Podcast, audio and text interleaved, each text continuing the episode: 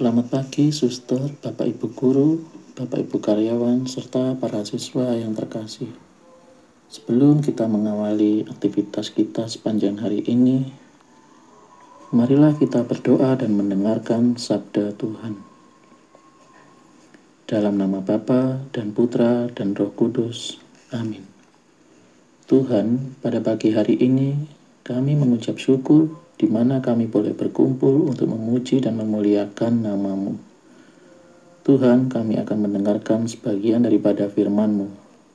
Biarlah firman Tuhan yang disampaikan oleh hambamu ini dapat bekerja sesuai dengan kehendak Tuhan.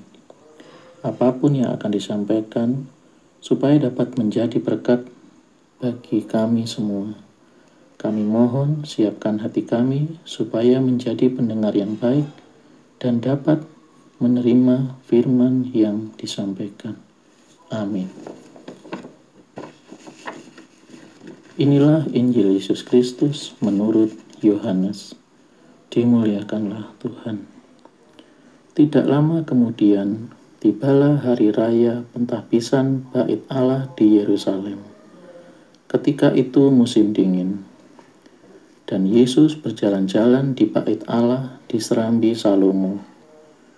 Maka orang-orang Yahudi mengelilingi dia dan berkata kepadanya, Berapa lama lagi engkau membiarkan kami hidup dalam kebimbangan?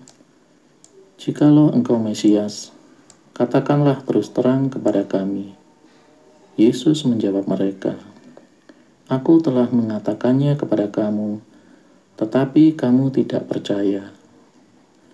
Pekerjaan-pekerjaan yang kulakukan dalam nama Bapakku, itulah yang memberikan kesaksian tentang aku. Tetapi kamu tidak percaya, karena kamu tidak termasuk domba-dombaku. Domba-dombaku mendengarkan suaraku, dan aku mengenal mereka, dan mereka mengikut aku. Dan aku memberikan hidup yang kekal kepada mereka, dan mereka pasti tidak akan binasa sampai selama-lamanya, dan seorang pun tidak akan merebut mereka dari tanganku. Bapakku yang memberikan mereka kepadaku lebih besar daripada siapa pun, dan seorang pun tidak dapat merebut mereka dari tangan Bapa. Aku dan Bapa adalah satu. Demikianlah Injil Tuhan. Terpujilah Kristus.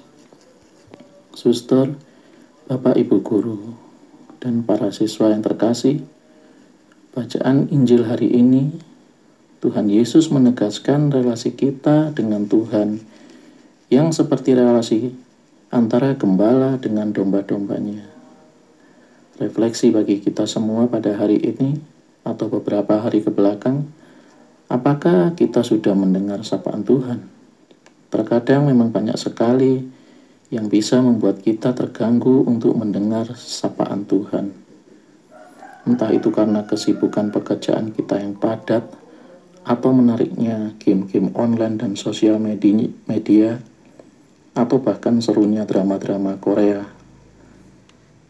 atau bahkan mood kita yang sedang buruk. Tetapi di balik itu semua, sudahkah kita berusaha untuk meluangkan waktu sejenak untuk mendengarkan sapaan Tuhan. Amin. Marilah kita berdoa. Allah Bapa yang Maha Murah, kami bersyukur kepadamu karena Engkau telah menguatkan kami melalui kehadiranmu dalam firman-Mu. Kami bersyukur kepadamu karena Engkau telah membagikan kelimpahan cinta kasih-Mu kepada kami. Semoga persekutuan kami dengan Yesus dalam firman-Mu ini menguatkan iman kami, sehingga kami mampu menjadi saksi-saksimu di tengah-tengah masyarakat. Amin. Dalam nama Bapa dan Putra dan Roh Kudus. Amin.